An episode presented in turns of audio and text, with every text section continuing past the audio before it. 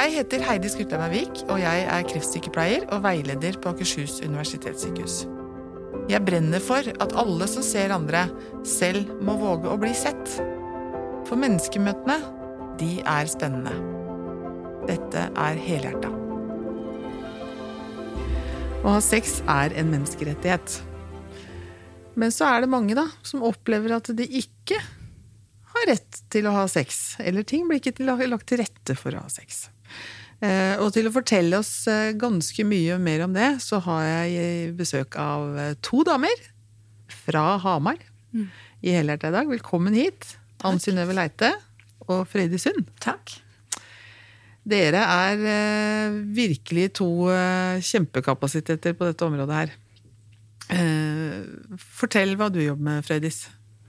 Jeg jobber på Likestillingssenteret, så jeg jobber i utgangspunktet med likestilling som fagfelt. Mm. Og innafor der så har jeg et bredt spekter av områder, fra samfunnsplanlegging og arbeidsliv, men også seksualitet. Ja. Eh, og da særlig seksualitet eh, retta mot mennesker med utviklingshemming. Altså mm. ikke mot målgruppa i seg sjøl, men mot de som gir tjenester til dem. Mm.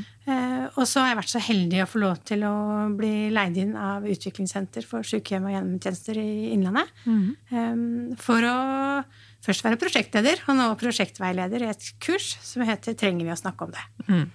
Som handler om seksualitet um, for alle, um, men særlig mennesker med um, sykdommer, utviklingshemming, uh, og hvordan ivareta seksualiteten også til mennesker som er eldre. Ja. Mm. Spennende. Mm. Ja. Mm. Og du da, Anne Synnøve, hva, hva jobber du med? Jeg jobber på nok Hamar, som ligger ja. under den store paraplyen NOK. Vi mhm. er lavterskel hjelpesenter for personer utsatt for seksuelle overgrep og deres nærstående. Mm. Vi sier seksuelle overgrep fordi det er så mye som ligger under det. Ja. Alt fra voldtekt mm. til uh, å få uønska seksuell oppmerksomhet. Mm. Uh, det skjer jo mye mer på den digitale sida nå. Mm. Kan, overgrep kan skje på nett. Så seksuelle overgrep, da da er det alt som ligger under det. Mm. Og så er det jo da også sånn at det kan være individuelt hva vi opplever som et overgrep. Ja. Så derfor er alle som lurer på eller vet eller kjenner noen som kan være utsatt, velkommen hos oss. Mm. Mm. Og nok, det står ikke for noe spesielt med de bokstavene. Det betyr rett og slett nok er nok. Nok er nok. Det er mm. nok seksuelle overgrep. Ja. Ja. Um, det er jo mange spennende områder her. Altså det er eh, Jeg tenker jo dette er med du, du, jobber jo med Eller dere jobber mye med psykisk og fysisk utviklingshemming. Eh, er det mye overgrep, liksom? Mot de som er svakere stilt? Mm. Ja. ja. Dessverre. Mm. Mm. Vi har riktignok ikke veldig god statistikk. Eh, vi antar at mørketallene er kjempestore.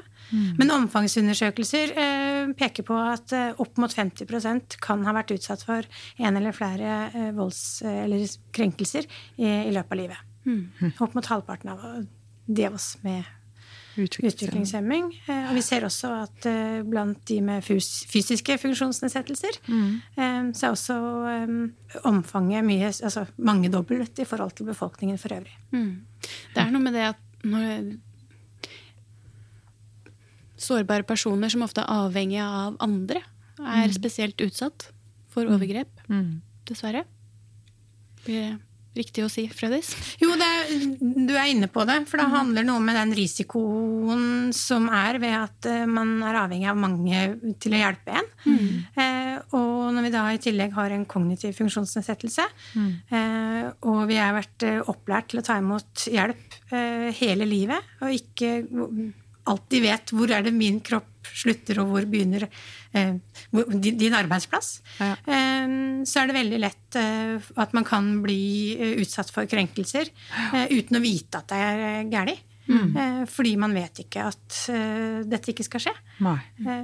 og du har kanskje ikke fått seksualitetsundervisning på skolen i det hele tatt. Fordi du blir satt ut av undervisninga. Fordi du tenker at dette skjønner du ikke noe av, eller dette trenger du ikke å forholde deg til. Eh, og da blir det jo enda vanskeligere. Er det fortsatt sånn at man tenker at man, tenker at man ikke har et seksuelt liv selv om man er funksjonshemmet? Dessverre. Det Og vi har hatt undersøkelser med, det er, eh, med unge funksjonshemmede, Likestillingssenteret, um, og spurt mennesker som da har en fysisk funksjonsnedsettelse, da ikke det kognitive. Um, også om blir seksualitet et tema hos lege eller helsepersonell. Og det blir det nesten aldri. Nei. Hvorfor det? Ja, Det er et godt spørsmål, da. jeg tror det handler om at eh, det er svært lite på studiene om seksualitet. Om positiv seksualitet, og at eh, du innleda med at det er en menneskerett. Og at det er en del av oss. Men eh, når det ikke er blitt fagliggjort gjennom en utdanning, så er det veldig lett å tenke at Um, å, seksualitet er privat. Det er, man tenker på seg sjøl, tar utgangspunkt i sin egen seksualitet. Og glemmer fagligheten som man møter alle pasientene med for øvrig. Um, og dermed så vil man ikke uh, spørre om noe som er for personlig, du vil ikke gjøre pasienten flau, kanskje. Uh, og da er det lettere å bare feie det under teppet enn, å, enn faktisk å stille spørsmålene. Og pasientene, eller brukerne, de vil jo at helsepersonell skal spørre. Ja. Eller inn, invitere til samtale. Um, Så, så er man trygg nok, så tenker jeg det er greit å være åpen for å stille spørsmål eller samtaler om seksualitet. Ja. For det er jo, det er jo som, som eh, Når vi snakker om det med å snakke om seksuell helse eh, sånn, med å kommunisere med hverandre, så handler det jo om å gi tillatelse til å snakke om det. Hvordan, eh, hvordan tenker dere at det er eh, Hvordan tenker dere at vi skal gjøre det? Hva skal vi si? Hva skal, hva skal de der ute si? Når de skal invitere eller gi tillatelse til å snakke om sex? Det er noe vi snakker en del om i det trenger vi å snakke om det også. Mm. Det her med å ha et seksualpositivt miljø, også både i omgivelsene på arbeidsplassen. Kan du ha et pride-flagg, eh, noe annet som indikerer seksualitet, måten du snakker på i språket ditt. Um, sånne helt enkle ting. Hva heter kjæresten din, istedenfor hva heter han eller hun? Um, å snakke med en sånn inkluderende tone. Men også rett og slett uh, f.eks. ha det i inntakssamtale som et fast punkt. Ja. Det Hvordan- tenker jeg òg. Ja, hvordan står det til med den seksuelle helsa di? Mange syns jo det er på en måte enklere å snakke om seksuell helse enn seksualitet. Ja. av en eller annen grunn. Men det er kanskje noe med det her helseordet Ja. som gjør at det er greit å snakke med en. Ja. Får, li, får det litt mer på avstand, på en måte. Ja. At det ikke blir så nært, mm. kanskje. Helse er lov å prate om. Mm. Mm. Kanskje.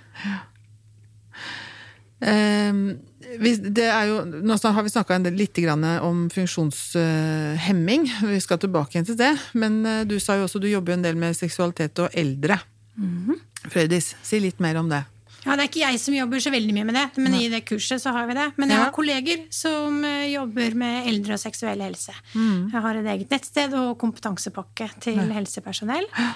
Um, og det handler jo annet om å, å, å sette te- seksualitet på dagsorden. Mm. Eh, få mulighet til å få kompetanse. Eh, få litt fagligheten, det som eh, dessverre fortsatt mangler i eh, sykepleierutdanninger. Eh, I hvert fall de fleste fortsatt. Um, og få mulighet til å kunne reflektere på arbeidsplassen. Så um, kolleger av meg har uh, reist litt land og strand rundt for å ha holdt kurs. Det har ikke vært superpågang, men vi har jo hatt korona, da. Så det er jo noe med at um, um, det ikke, har ikke vært, å- De siste årene har ikke vært årene for de største kompetansehoppene. Nei. Men, måte, men, eh, men, eh, men viktig likevel å få satt det på dagsorden og få kunnskap. Så vi har laget noen veiledere. em, både i forhold til hvordan man tar opp eh, at vi har en normbevisst måte å snakke om på. Det, på. Mm. Vi har laget store buttons eh, med 'spør meg om seksuell helse'. Mm. Det er jo sånn button som du ikke nødvendigvis trenger å ha på deg, men du kan henge den opp på gardina på kontoret. Ja, så inviterer du jo til en samtale om seksualitet. Mm. Eh, De har også laget store buttons hvor det står 'seniorsex'. Så er spørsmålet når er du senior nok til å ville ha på deg buttons. Ja. Eh, Spør du døtrene mine, så er jeg der allerede, som 50-åring. Jo, en kollega av Ann Synnøve skulle ta med hjem til, eh, eh, til mm, kjæresten. Eh, vedkommende er vel et par uker eldre enn en henne. Eh, og bare så vidt bikka 50, de også. Så det går an å ha spøk med henne rundt også. Ja. For det er jo noe med å invitere til en samtale. Mm. Ja. Flagget er én ting, men det kan også være en buttons som mm. åpner opp at eh, jeg har kunnskap til å ta imot det du har lyst til å fortelle om. Um, og det tenker jeg er grunnholdningen gjennom hele, den tryggheten til å spørre. Da skal du også være trygg nok til å ta imot noe. Um, og da må du ha litt grann kunnskap i bånn, og i hvert fall en bevissthet knytta til det. Ja. Um, ja. Mm, kjempeviktig også. Og så er det noe med de holdningene våre, da, tenker jeg, i forhold til det med eldre nå. Når vi snakker om det med eldre, så, så er det noe med hva er det å være eldre? Når er man eldre, for, som du sier, da, til forhold til å ha, å ha et sexliv? Uh, det er liksom Når man er yngre, når, i hvert fall sånn uh, ungdom og sånn, så de tenker jo at det, man har ikke sex når man har runda 40-50-60, liksom. Det har man jo ikke. Og så kan vi fortsette å tenke det kanskje også som voksne. At på et eller annet tidspunkt så stopper det. Men sånn er det ikke. Si, si litt mer om det. Ja. Når vi snakker om eldre og seksuell helse, så er det da over, personer over 60, bare så vi har det klart. Så, så du, er, du er fortsatt, er fortsatt eh, ung. ung og lovende. Ja. um, men seksualiteten den er eh, gjennom hele livet, og den endrer seg. Um, noen Kanskje det, lysten, den spontane lysten eller den voldsomme lysten kanskje da blitt av. Men den trenger ikke å gjøre det. Eh, eldre personer er jo like forskjellige som alle oss andre, så det er veldig varierende. Eh, noen syns jo faktisk at eh, de får en oppblomstring i seksualiteten sin. For eksempel damer. Altså kommet til overgangsalderen, bekymringa for å bli gravid er borte. Eh, greiere forhold til kroppen sin. Man er som man er. Det er kvalitet eh, som er mer viktig. Ja. Ja. Um, og at den intimiteten, det der å være nær, den hudkontakten, den kosinga, den viser seg jo å bli enda viktigere. Og, minst, og ikke kanskje mer det tradisjonelle med penetrering og sånne ting. At det er flere ting som er i bildet, da, som gir opplevelsen av nytelse. Mhm. Og den kan vare hele livet ut. Mhm. Så det er jo Og det må være opp til hver enkelt. uh, hva, hva, som er god, hva som er god sex. Um, og at med alderen så vil jo også de fysiske funksjonene våre påvirke den seksuelle helsa. Ja. Damer kan kanskje få litt tørrere slimhinner. Um, menn opplever at penis ikke er like stiv som den var. Kanskje må brukes på litt andre måter, eller bare bruke lengre tid. Men så er det jo kanskje ikke alle som oppsøker den informasjonen selv.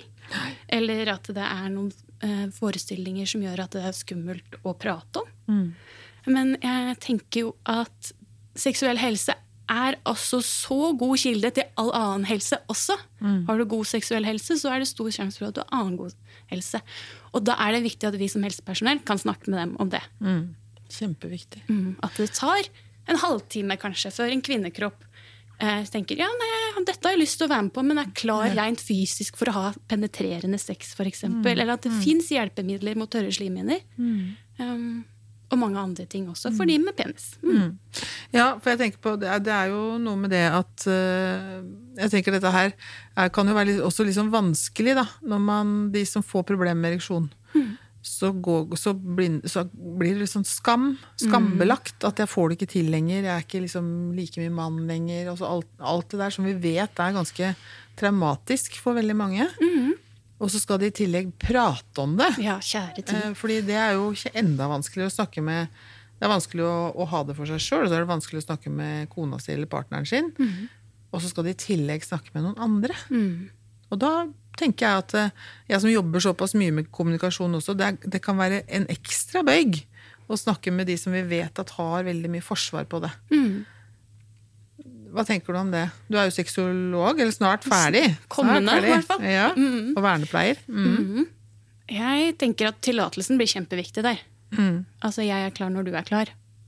Um, og det er så mange Jeg er klar til å snakke om det, Ja. mener du? Ja. Mm. Oi, oi, oi. Ja. Klart å snakke om det.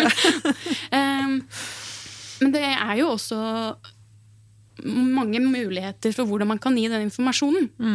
Um, I Plicit-modell så snakker vi om det her med å gi tillatelse, men også begrensa informasjon, Mm. eller tilpassa informasjon.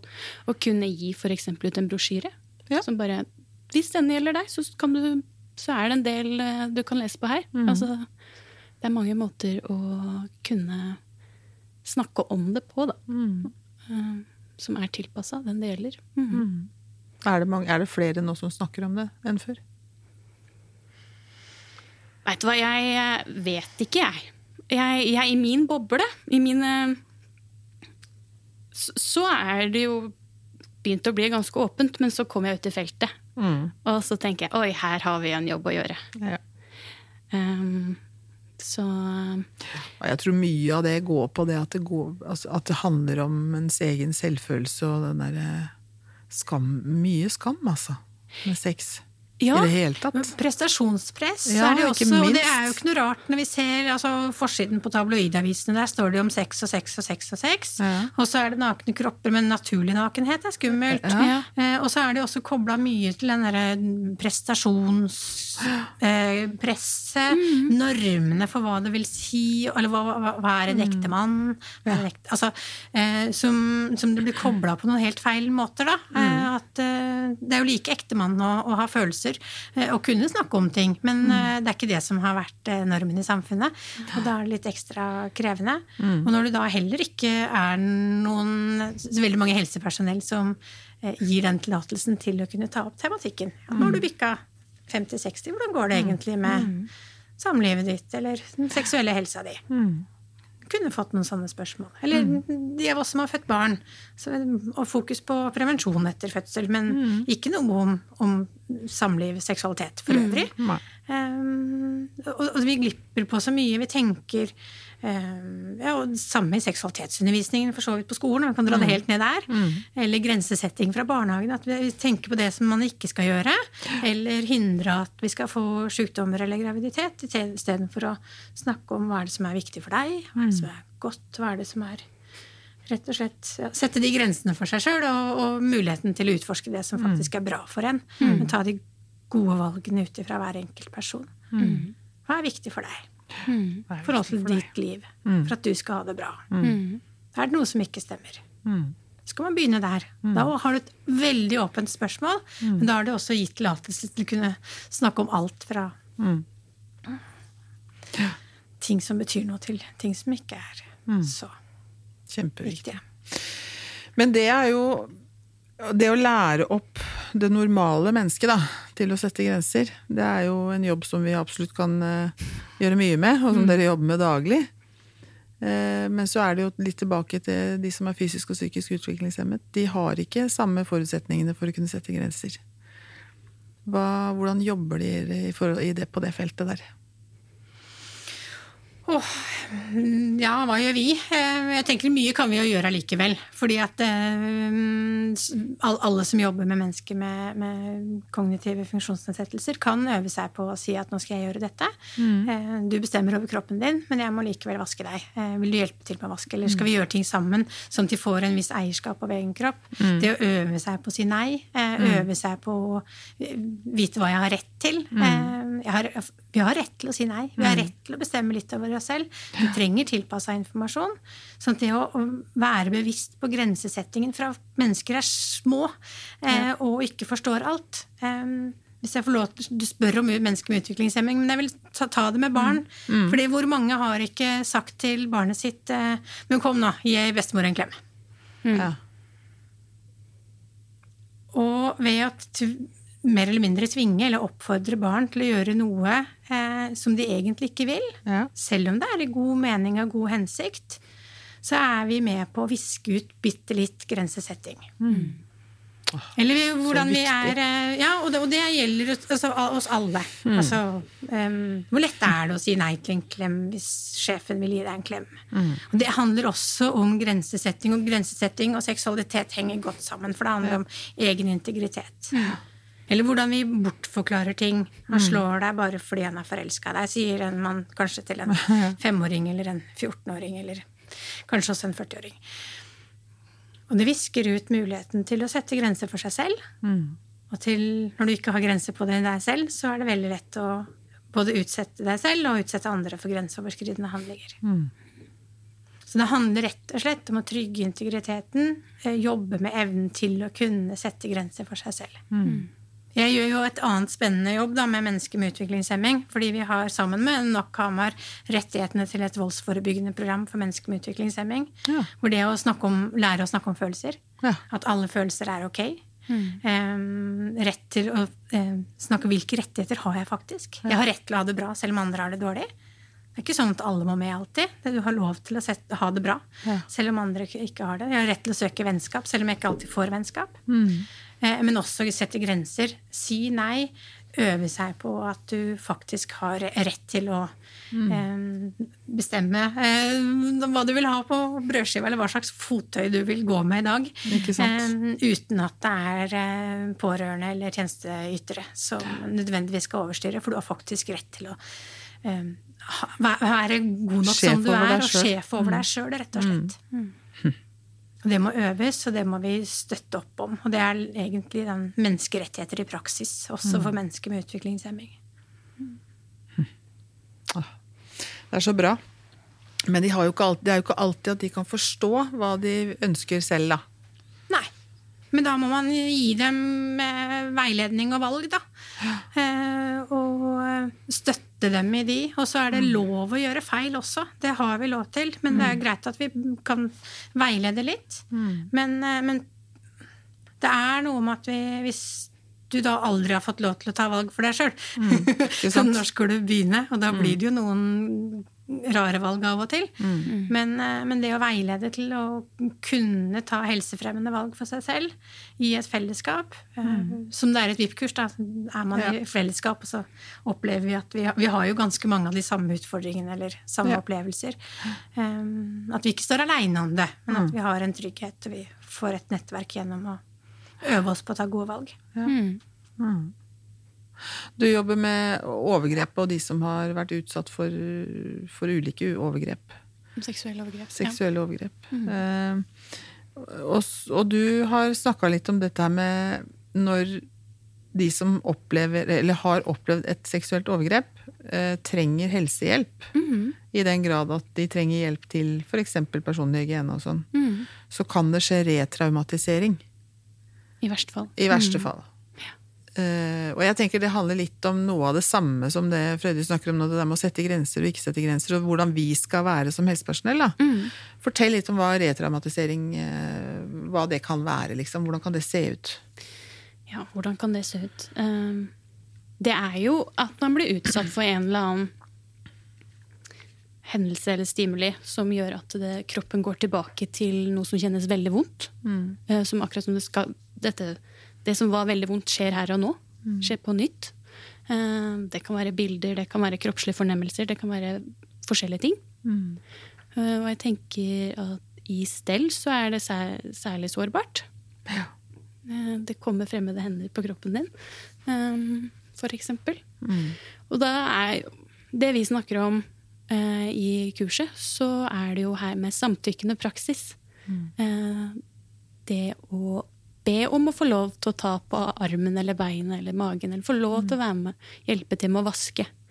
Eh, nettopp for å kunne sette grenser for seg selv. Eh, for dem er, det kan være vanskelig å sette grenser når man har vært utsatt for overgrep. Det er jo i bunn og grunn det som skjer, at dine personlige grenser blir Fullstendig overkjørt, ja. fullstendig overkjørt. Ja. Uh, og når man er i en sårbar situasjon, så er det spesielt vanskelig å sette grensene sine. Så hvis det kommer inn en sykepleier da som har veldig dårlig tid og skal bare, så er det ikke sikkert at den personen kan, er i stand til å si nei, vent, jeg må puste, eller jeg må få litt tid. Så det at vi som helsepersonell kan åpne opp for sånn at den det gjelder skal gi samtykke, det er greit at du gjør det her med meg nå, eller med meg med min kropp nå, så tror jeg mye vil eh, kunne forebygges da, for en sånn retraumatisering. Eh, for da gir du også da kontrollen til den det gjelder. Mm. Jeg bestemmer over kroppen min. Mm. Jeg tenker bare det å, bare det å si eh, at du skal gi noen en klem, det, altså, eller bare ta på en pasient eller et eller annet. og Det å spørre er det greit at jeg tar på deg. Ja. Jeg tenker Det er så mange som ikke tør å fortelle om at de har vært traumatisert heller. Altså det, kan jo ikke regne med at folk sier det. Nei, det er mye skam Ja. rundt det å være utsatt Ja. for overgrep. Det er, skamma er absolutt på feil sted, spør du meg. Eh, Men sånn er det jo Ja. for mange. Um, og jeg tenker også at en sånn samtykkende praksis også kan gi litt åp åpne opp for å fortelle den vonde hemmeligheten. Ja. Um, hvis et barn har vært utsatt for seksuelle overgrep, så tar det overkant av 17 år før den forteller det til noen. Ja. Så I hvert fall sånn at vi andre forstår. Ja. ja, på, sant? Mm. Så, og jeg tenker også blant mange eldre, det er, de kommer jo fra en tid der det kanskje var spesielt vanskelig å snakke om. Ja. Egentlig så snakka jo ikke samfunnet noe særlig om seksuelle overgrep før på 80-tallet. Nei. Mhm. Og det, så det er ganske nytt at det, uh, det går an å snakke om Mm. i det hele tatt, egentlig. Mhm. Så, og det, det, jeg tror er også det er mange som mangler språk for å kunne fortelle hva som har skjedd dem. Ja. -hmm. Og det er derfor vi sier også at på NOK at du er velkommen om du lurer på om du er utsatt for seksuelle overgrep. Ja. Fordi overgrep kan starte snikende, eller at det ikke er så tydelige skiller. Mm. For eksempel, mange ser for seg at voldtekt er noe som skjer i en mørk bakgate av en fremmed mann som hopper fram fra busken, eller et eller annet sånt. Men som ofte så er det fra noen du kjenner Ja. eh, og har tillit til. Mm. Eh, og det er eh, Det trenger Ja. Uff, ja.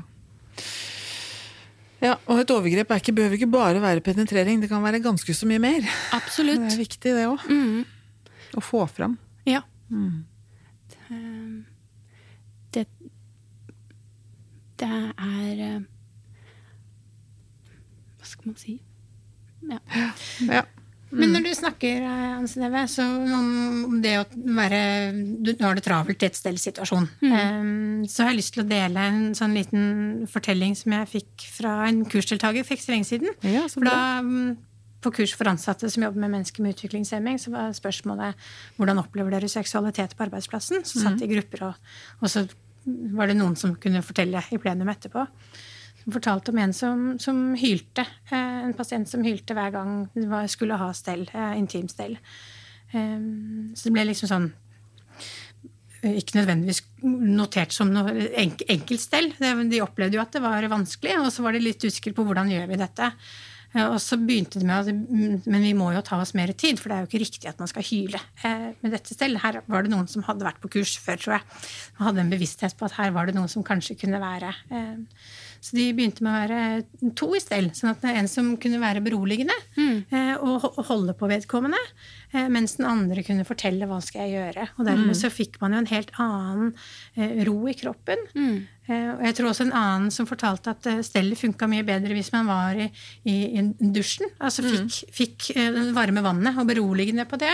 Og fikk kroppen til å slappe av på en annen måte, og så kunne man gjennomføre stellet. Men da tok det jo dobbelt eller trippelt så lang tid, og man måtte være to mennesker. Men eh, den pasienten slapp å bli retraumatisert hver eneste stell. Situasjonen. Så fint. Mm. Så det går an, Ja. eh, men det krever en bevissthet. Man Ja. må ha en kunnskap og en forståelse. At man kan ikke bare, hvis noen eh, kniper beina sammen og du skal ha en teamstell, så kan du ikke bare brekke Brette beina fra ut, hverandre. For det, det er noe med kroppen sier fra på en måte. Så må vi lære oss til å også em, lytte til det som ikke blir sagt med ord, men det som blir sagt med kropp. Hvis du ser at pasienten dissosierer, altså blir helt fjern, så må man ta en pause. Så hva er det som egentlig skjer? Hvorfor skjer dette? Ja. Og kanskje kan de ha behov for noen samtaler for å, for å klumpe ut smerten og for å være bevisst. Men så handler det også om hvordan vi eh, møter hver enkelt pasient i hver enkelt situasjon.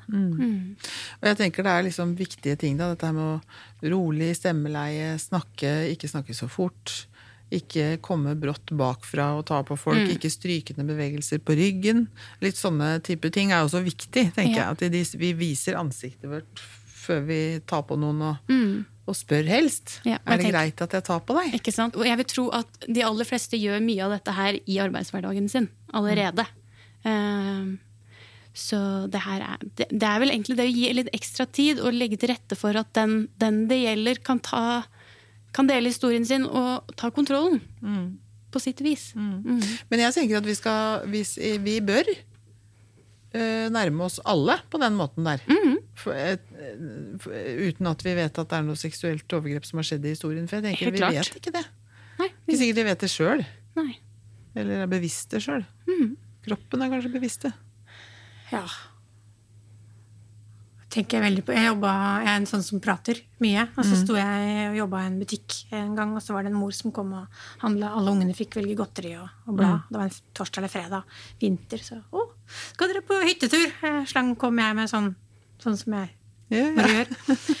Nei, vi skal på krisesenteret. Vi har akkurat vært på barnehuset. Og da Oi. måtte jeg bare synke ned under kassa, og så kom jeg opp, og så lykke til med livet videre. Så vi Mm. vet aldri hvem vi møter, hvor vi møter. Det var det, det som var eh, nøkkelen, som er litt utenfor temaet, egentlig. Men, men allikevel, vi vet ikke. Vi, vi skal være varsomme, og vi Mm. skal møte folk med respekt og folk, folkskikk, egentlig.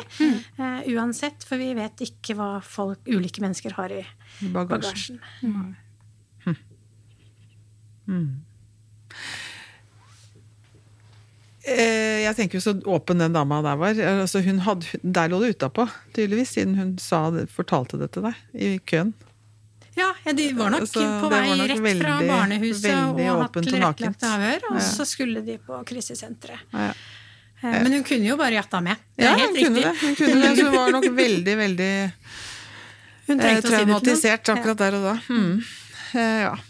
Men du, vi må litt tilbake igjen til eh, til eh, de som er psykisk og fysisk eller utviklingshemmet. Ja. Eh, For det er jo ganske sånn eh, skal si, spennende, eller det er litt sånn snakka litt for lite om.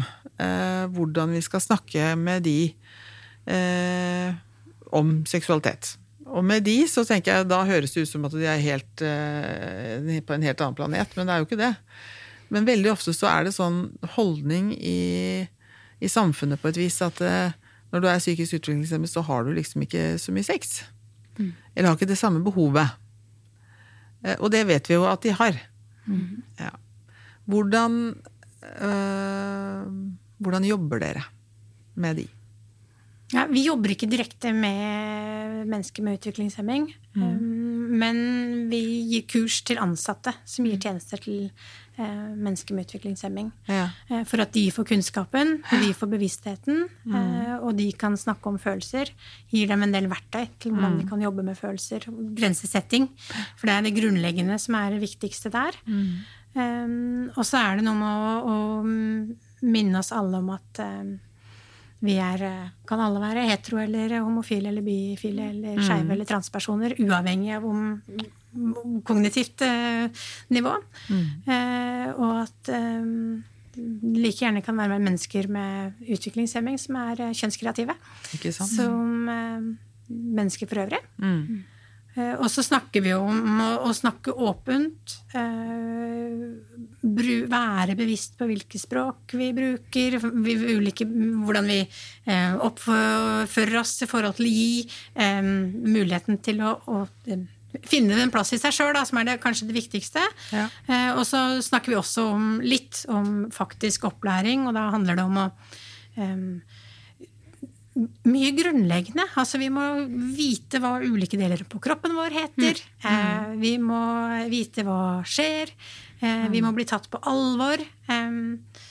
Vi kan jo tilbake til den der, det å gi tillatelse til å snakke om. Altså, Hvis du jobber med mennesker med utviklingshemming, og de snakker om at de har fått seg kjæreste, Um, så kan du møte det på to måter. Enten så kan du si 'æsj, du trenger vel ikke noe kjæreste', eller du kan spørre um, uh, 'men så spennende'. Eh, Hva heter kjæresten din? Eller hvor møtes dere? Og så kan du eh, få informasjon som du kan veilede videre på. Mm. For eksempel så er det noen som sier at jeg møter vedkommende på handikaptoalettet på storsenteret på annenhver lørdag. Så kan du gå inn og veilede at nja, nja, nja, nja, nja, er det en ordentlig kjæreste? Mm. Eller kanskje er det noe annet. Mm. Fordi mennesker med utviklingshemming vokser jo opp og vil gjerne eh, De vokser opp i et samfunn hvor vi har noen sterke normer. Mm.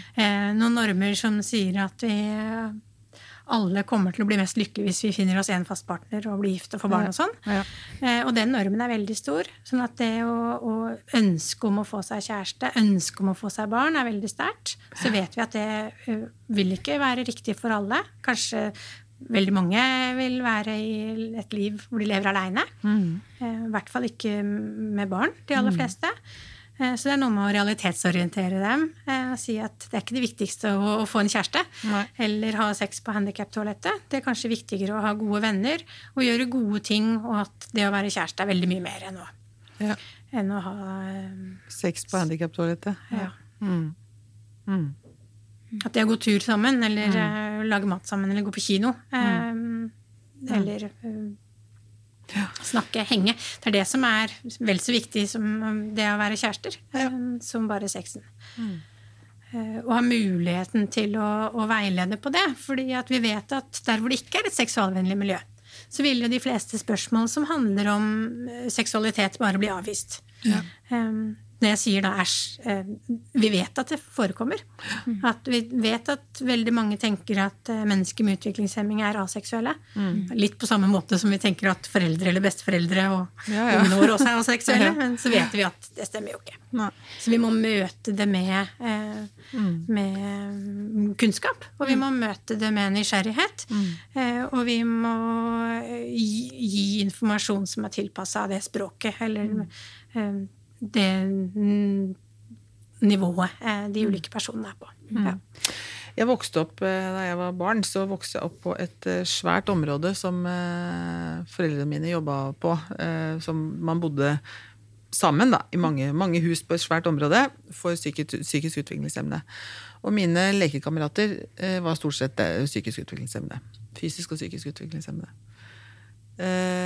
Og etter hvert som de, altså etter hvert som de ble eldre ungdommer, da, så fikk flere og flere av dem hengelås.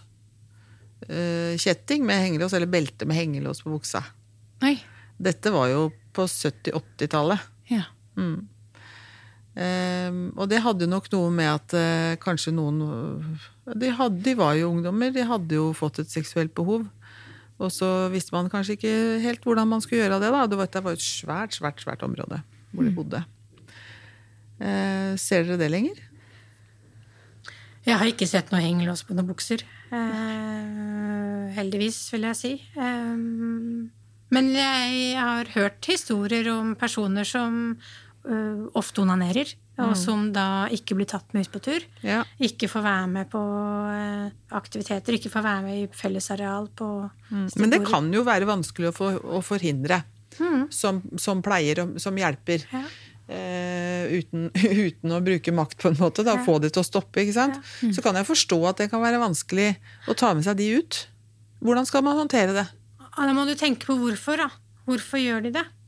Kanskje de ikke kommer i mål, kanskje de ikke har kunnskapen, kanskje de ikke har kroppslig eh, funksjon i hendene til å kunne komme i mål, da. Komme, Få en orgasme. orgasme. Um, så jeg vet at habiliteringstjenesten har vært inne i flere saker og da uh, fått bestilt eh, riktig seksualteknisk hjelpemiddel. Ja. Eh, og veiledning eh, til å bruke. Enten kan de gjøre det sjøl, eller kanskje trenger de at noen tjenesteytere også får kunnskapen. F.eks. hvis du ikke har eh, Hvis du har lammelser i kroppen, evne. motoriske evner, så hjelper de, får du en eh, tilpassa truse hvor trusevibrator kan være inni.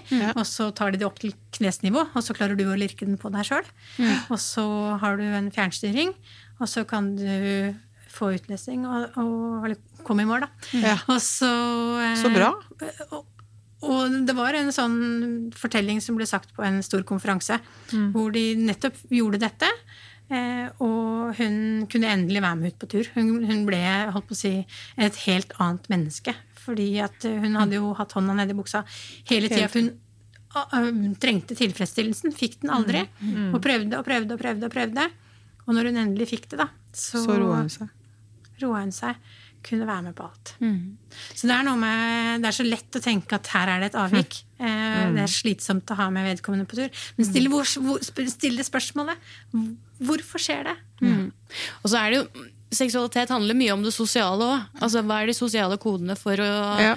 eh, for hvordan man skal bruke seksualiteten sin? Mm. Det er helt greit å ha hånda nedi buksa i leiligheten sin, kanskje, men ikke så greit ute blant folk.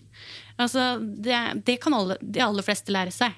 Altså, som, som El- Else Almo sier, seksuell folkeskikk. Rett og slett. Men og det, det er jo ikke bare personer med utviklingshemming som trenger å lære seg det. Nei, det, det gjelder de fleste av oss. Men noen av oss trenger litt eh, ekstra veiledning litt flere ganger, da. Ja. Eh, og få en samtale. Eh, hvor er det lurt, og hvor er det ikke lurt? Eh, hva Og så er det klart, det er jo forskjell da, på, på det kognitive nivået. På hva forstår man av informasjonen og opplæringen man får. Eh, og jeg syns du fortalte en, en historie før vi starta opptaket, Fredrik, som jeg syns forteller ganske mye om hvor konkret vi faktisk bør være i opplæringen. Eh, du fortalte om noen som hadde blitt lært opp til å bruke kondom. Ja. Ja. Eh, det er noe vi trodde var en vandrehistorie. Mm. men det var et ungt kjærestepar med utviklingshemming eh, som ønsket sex. Og ønsket eh, å få veiledning i forkant. Mm. Faktisk opp, veldig oppegående sånn sett. Eh, og eh, de fikk eh, opplæring i å tre på kondom eh, på en banan. Og så eh, gikk de derfra, og så kom de stolt dagen etter og fortalte de hadde hatt sex. Og så de fortalte de ja, hva hadde har gjort? Nei, vi har kjøpt banan og kondom og tredd kondomer på bananen. Lagt den på nattbordet og, og hatt sex. De var så stolte. De var Ja. så fornøyde. Ja. Og da er det jo noe med Nei, nei, nei, nei, hva har jeg lært deg nå? Mm.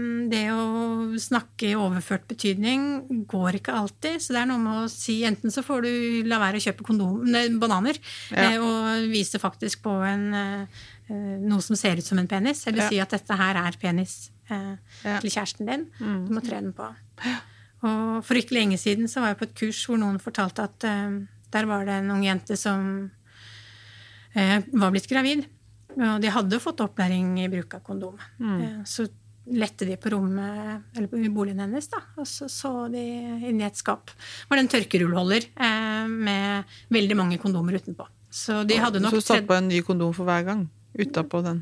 Det virka sånn. Ja. ja. ja. Der ser du hvor konkret man faktisk tenker, da. Fått opplæring. Ja. Man tar hva man haver, og så gjør man det man tror er riktig, Ja. og så blir det helt feil. Mm. Og det er jo også noe med mange mennesker med utviklingshemming. For vi blir fortalt at de har hørt fra eh, omsorgspersoner at de kan ikke få barn. Eh, og dermed så tror de at ikke de kan få barn. Eh, og tror ikke at de trenger beskyttelse. Men det er jo mange som blir gravide. Mm. Og så er det jo en del sånne, der er det også en del sånne hva vi tror i samfunnet. Ikke sant? Og hvis, vi snakka jo nettopp her om eh, hvis to stykker med Downs syndrom blir gravide og får et barn, eh, får det barnet da et barn som har Downs syndrom? Og det sier du at de ikke gjør, du som er vernepleier. Ja. Og nå får jeg lyst til å dobbeltsjekke dette skikkelig, men eh, jeg, har, det er ikke arvelig. Nei. Nei. Mm. Det er sånn man ikke liksom Vi, snakker ikke så mye om det, så det, er liksom ikke noe sånn allmennkunnskap. Nei. Ehm, og så Personer med utviklingshemming eller andre som er utafor normen, det blir liksom avseksualisert. Eh, og så tenker jeg at det er relevant for alle, så vi må snakke, snakke om det her med ansvar å ha sex også. Eh, at eh, dere kan få barn. Eh, er, om det er en lur idé, eh, må vi jo snakke med dem om. Det er masse ansvar. Eh, etter hvert så vil jo barnet også få mer eh, komplekse behov. Og så det er mye å følge opp. Eh, og det er ikke sikkert at en en person med utviklingshemming kommer til å kunne st- strekke til på alle områder. Nei. um, og det har vi vel dere tatt en del prat om i VIP også. Det her om eh, det å ha ansvaret for en baby. Hva er VIP? Eh, Det voldsforebyggende programmet. Viktig, interessant person kaller vi det overfor målgruppa. Og så for eh, myndighetspersoner så snakker vi om eh, voldsforebyggende program. Tolv ukers kurs eh, tilpassa mennesker med utviklingshemming. Eh, om følelser, grensesetting, eh, om jeg som person, om verdier, om vold, om makt, maktesløshet. Ja. Så fint. Eh, ja, for vi har, der har vi en eh, det, gruppetreffet som handler om eh, valg, så har vi en sånn eh, risikodiagram, da, eller fordeler og ulemper. Eh, hvor ofte kommer temaet opp eh, å få barn. Fordeler og ulemper med det. Fordi det er et veldig mange unge kvinner som har det som sitt Ja, største ønske. Ja. Eh, og det er sånn at eh, hårene reiser seg på armene når jeg snakker om det, fordi vi gjennomførte det på gruppe da vi hadde pilot i Norge. Eh, fordi de snakka om de ville, de, Om fem år så ville de ha seg eh, partner, og de skulle ha barn. Ja. Og så måtte vi da ta det opp, spørsmålet. Hva er fordeler med å få barn? Mm. Da kommer det mye opp eh, det sosiale. Mm. Å ikke være aleine. Det er forståelig. Eh, og så kommer vi på ulempen med å få barn, da. Det er jo eh, Du må ha ansvaret for noen. Det er dyrt. Det er Kan ikke velge når du vil sove. Eh, du Det er noen andre som er viktigere enn deg selv. Mm. Så hadde vi flere andre sånne tema som vi satte opp i det diagrammet i fellesskap, da, hvor de selv kom med fordelene og ulempene. Mm. Noen hadde fordeler og ulemper med å drikke mye kaffe og sånn. Men Ja. også eh, den gruppa hvor det var mm, for barn, så tok vi også det å få et kjæledyr. Og fordelene er jo mye det samme. Det å ha nærhet, eh, ikke være aleine. Og så ble det litt kortere eh, liste over ulemper. Um, og etter at vi hadde hatt det gruppetreffet og gjennomført den, lagd det skjemaet i fellesskap, um, så fikk vi tilbakemelding fra de ansatte som jobba der, at det var ikke noe mer spørsmål. Det var ikke snakk om å få barn. Nei. Nei. Så på godt og vondt, da, så tok vi brodden av det temaet. Um, men uh, Så det, det er jo en etisk uh, perspektiv her også. Men både for de ansatte opplevde at det var veldig ålreit, for det var en skikkelig hangup på å få barn. Men jeg tror også det å, å lande i et perspektiv at kanskje er ikke det å få barn når jeg er 17 eller 19 eller 22 og har utviklingshemming og, og kanskje egentlig trenger eh, nok oppfølging selv. Jeg kan nok være selvstendig, men eh, kanskje ikke selvstendig nok til å ta ansvar for noen andre. Nei. Og komme fram til det i fellesskap, da, i en sånn gruppe, mm. kan være viktigere enn å måtte prøve den harde veien med, med at noen andre overstyrer deg, f.eks. Eh, Jeg jobba jo på gynekologisk avdeling i min begynnende karriere. Og der var det jo en del eh, på kvinneklinikken, da. Overleveringer rett etter fødsel, eh, hvor barnevernet kom og henta barna til veldig mange, eller til flere av de som var psykisk utviklingshemma.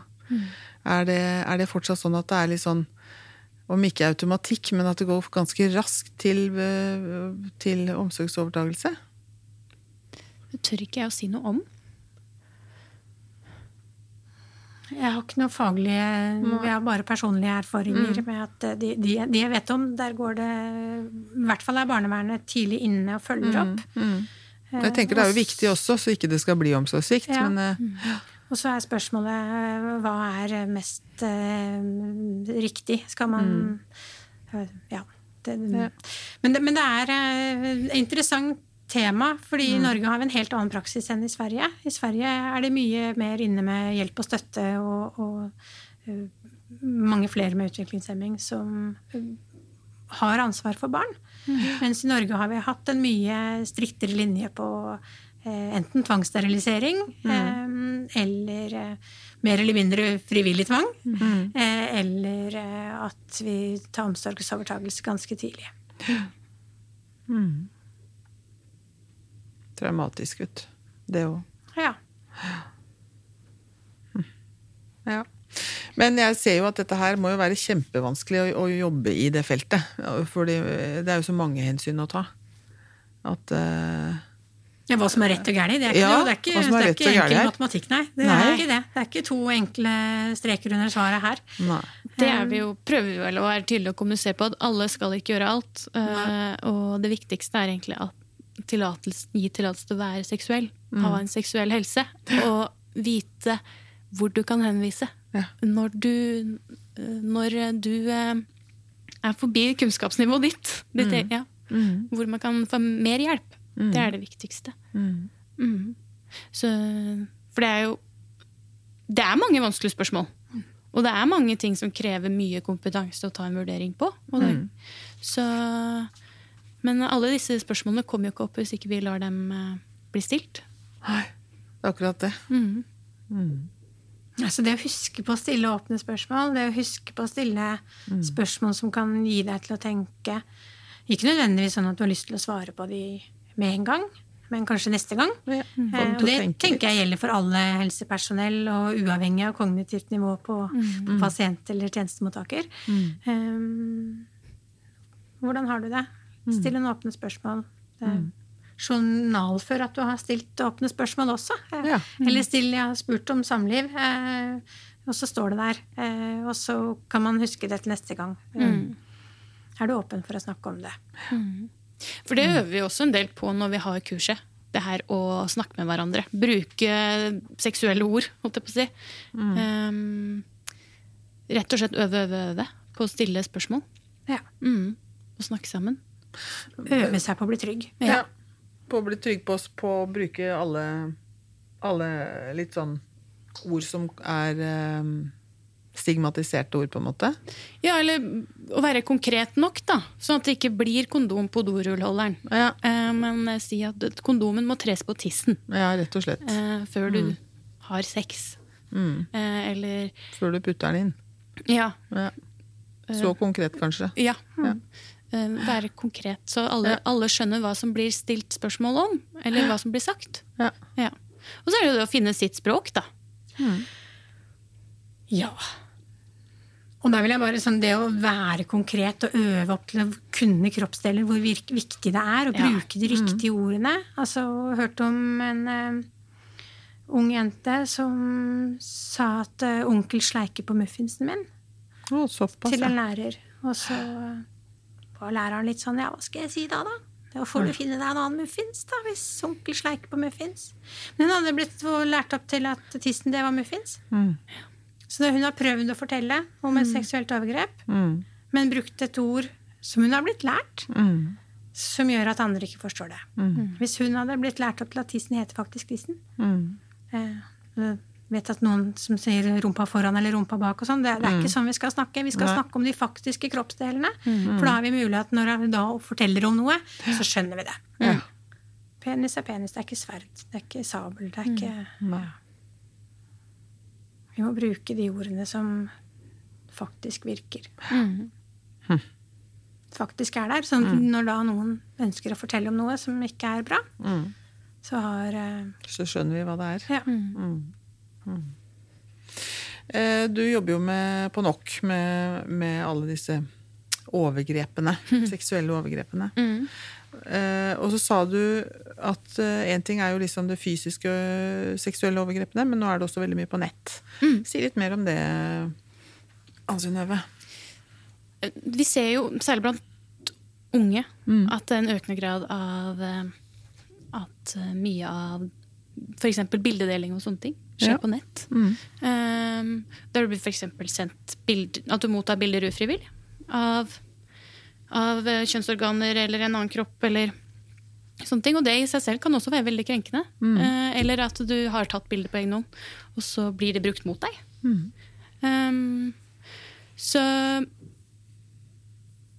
Så det er jo et hva skal vi si, en type overgrep som kanskje ikke vi på nok har så mye erfaring med.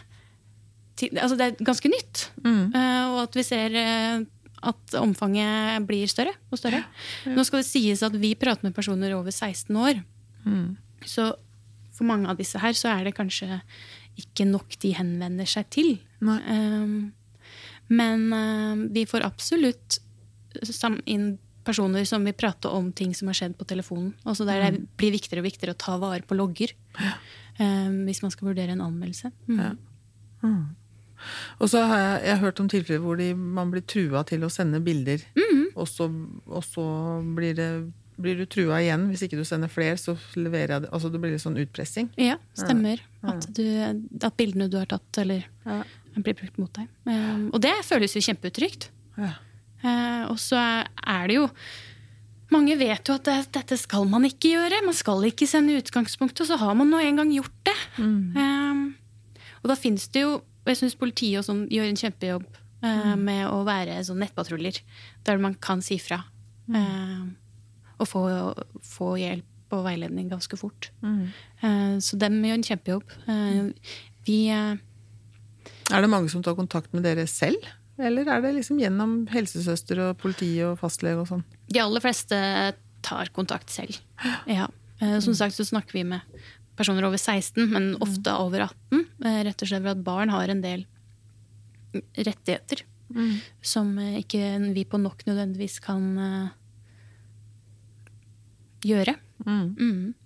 Så, men de som er voksne, tar som regel kontakt selv. Eller at, at noen ringer på vegne for dem. På vegne for dem, ja, og bestiller en time. Det kan også forekomme. Ja. Mm. Det er også bra. At, man kan få ringe, at det er lov å ringe for noen. Mm. For det er jo ikke alle som greier å hente hjelp sjøl, tenker jeg. Nei. Ja, hvem er det som kan ringe for henne? Vi har, eh, det er en del som helsesykepleiere som ringer. Og så er det noen ganger at historier kommer inn når de har når en person har fått hjelp over tid, eller inne på døgn f.eks. Mm. Uh, at um, personalet der ringer og spør om de kan få snakke med oss. Sånn at det er noe å gå til når etter, etter behandling er ferdig også.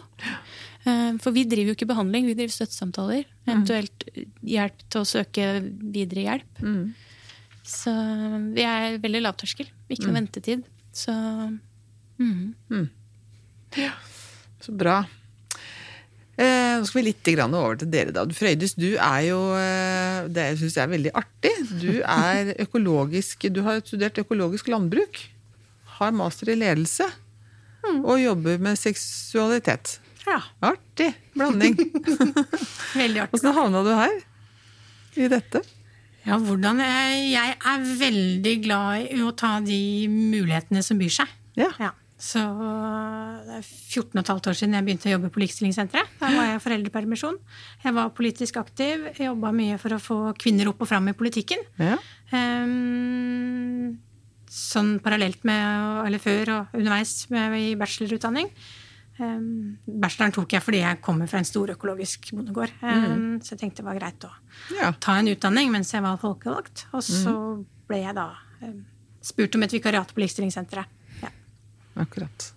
Fortsatt hadde Det het Stiftelsen kvinne- Kvinneuniversitetet. Heter vi formelt til Brønnøysundregisteret, og så Ja. skifta de navn utad eh, fire dager før jeg starta. Å ja. Til Likestillingssenteret? Ja. Akkurat. Så vi har hett det siden 1. september eh, 2008. Ja.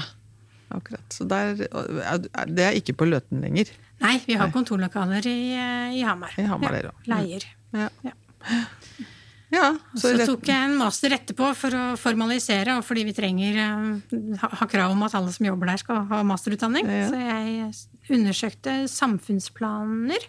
Mm. eh, Og intervjua samfunnsplanlegger om de har et likestillingsperspektiv i, når de planlegger. ja. Hadde de det? Um, ikke så veldig mye. De var nok litt bevisste. eh, men det er noen strukturer. Staten har f.eks. ikke krav om at de skal ha et likestillingsperspektiv når de planlegger. Um, ikke før nå de siste forventningene til nasjonal planlegging. Der står det likestilling to steder. Ja, så bra, da. Ja, Det går rett vei. Ja. Ja, så bra. Men likestilling, det, det er jo ikke bare kvinne, kvinner det går på, det du jobber med. Det er Alle alt. diskrimineringsgrunnlag. Ja. Ja. Og vi har et bredt tema. Vi har eh, fire hovedtema som vi jobber med. Mm. Vi jobber med oppvekst. Vi jobber med samfunnsdeltagelse. Mm. Vi han- har arbeidet med, om, med arbeidsliv. Mm. Og likeverdige tjenester. Og det er jo, helseperspektivet kommer jo inn her på likeverdige tjenester. Mm. Og lik rett til å bli hørt og sett for mennesker med utviklingshemming.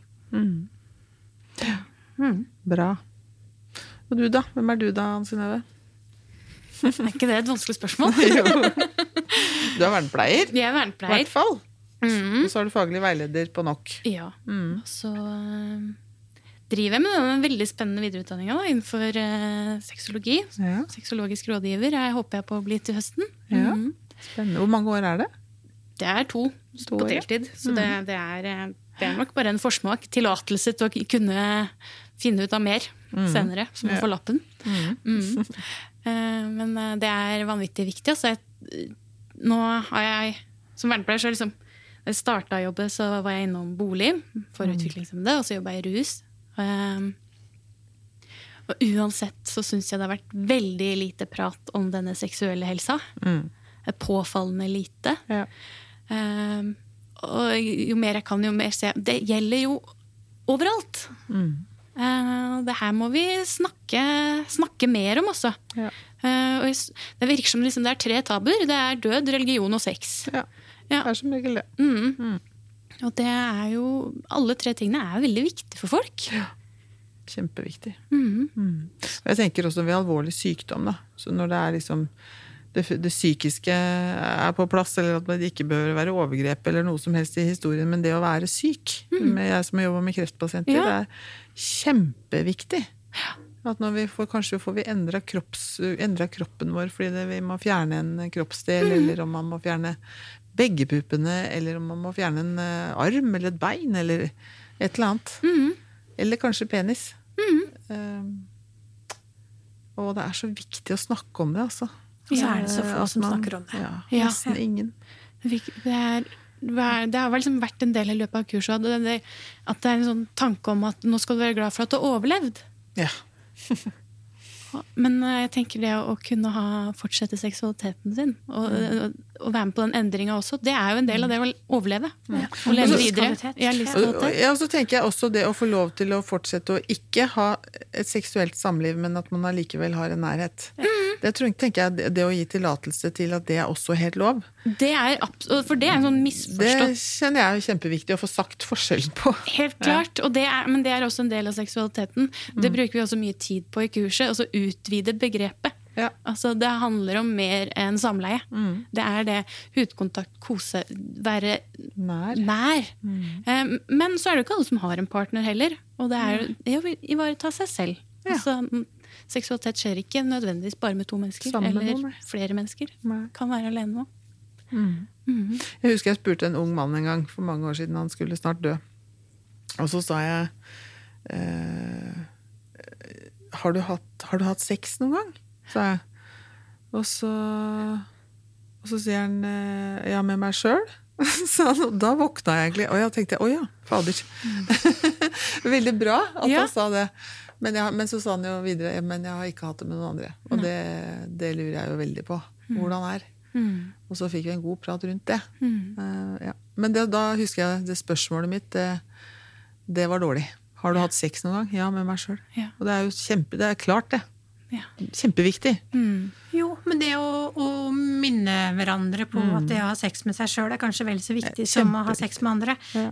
At det er en sjøl og egen nytelse og egen kropp og egen ja, u- utforsking eh, som kan være vel så viktig som det å ha det med andre. Men der er jo igjen de normene, da. Ja. At vi helst skal ha at det skal være i tosomhet. Um, Hvorfor er onani eh, så innmari tabu? Hvorfor Ja. er det sånn? Det kan du si. at det står her nedfelt i Bibelen, da. Ja, det, Um, du tuller med edle dråper. Det er helt drøyt. Jeg syns det er så drøyt. Ja, men så har det jo det er mange, altså mange ting i samfunnet har vel bidratt til at sex skal være for å lage barn. Og resten av tiden skal vi være effektive mennesker. Nytelse, det er, eh, det er ikke bra. Eh, og de ideene tror jeg henger godt planta i oss et sted også.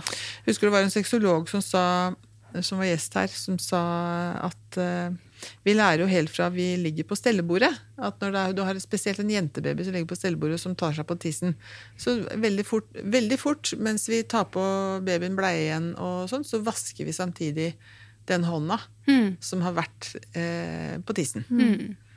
Eh, og, og hvis vi fortsetter med det, hva lærer barnet? Ja. Eh, mm. Mm.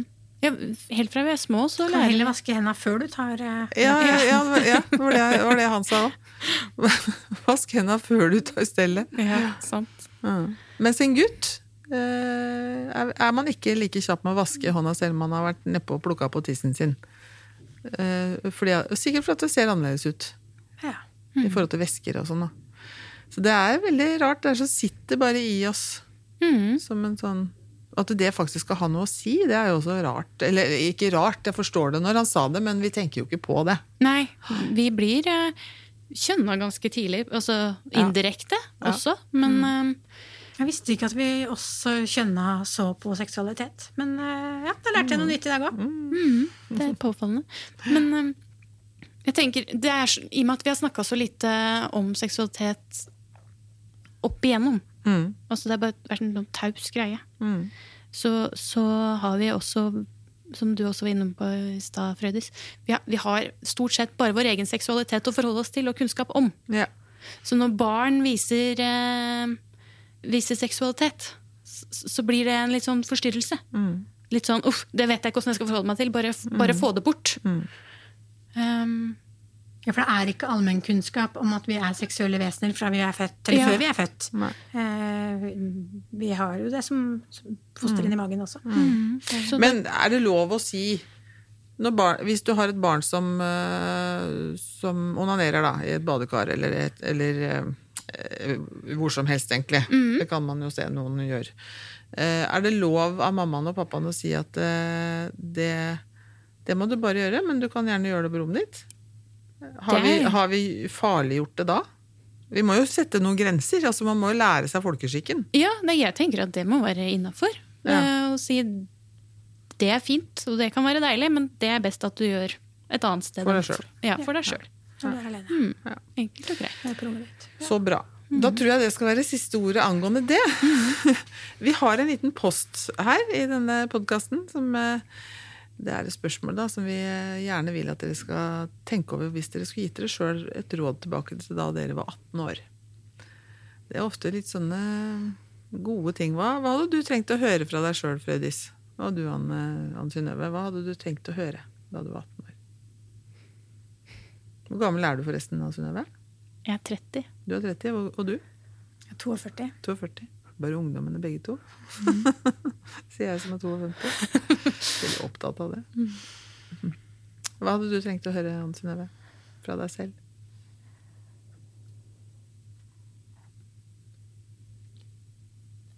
Jeg var en ganske stressa type også.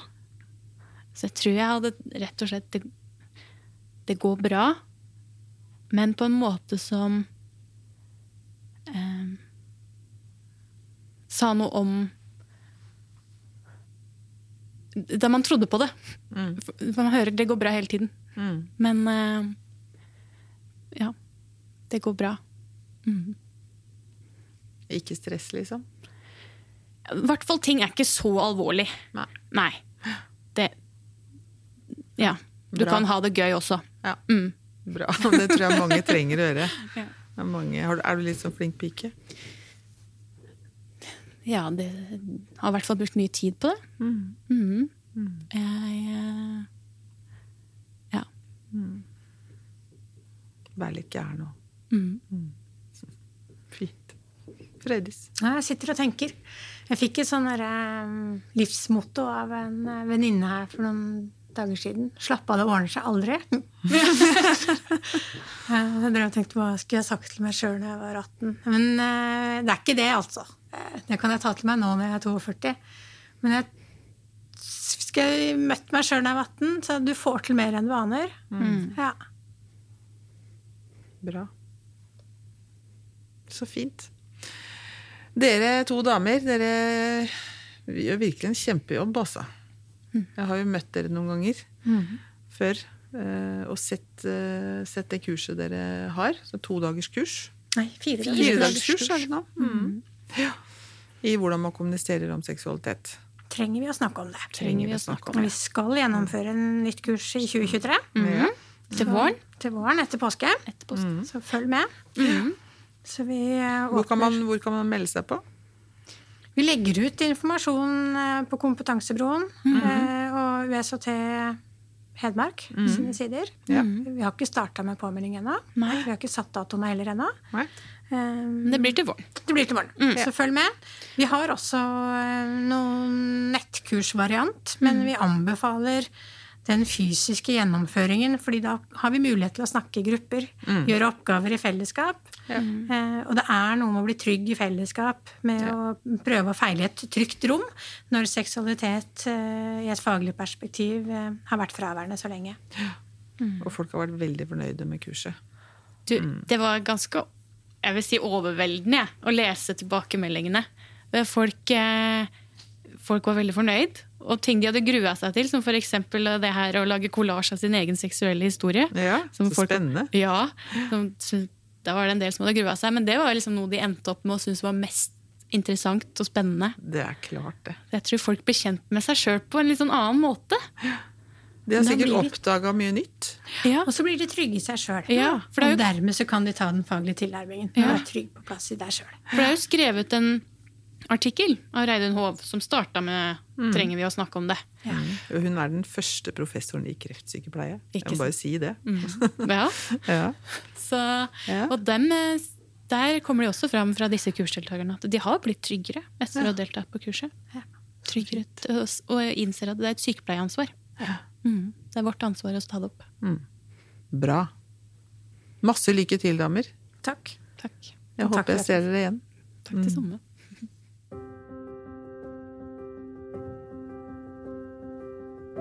Helhjerta er en podkast fra Kompetansebroen, en digital plattform for kompetansedeling i helsetjenesten. Personer som blir omtalt i pasienthistorier, er enten anonymisert eller har gitt samtykke til deling.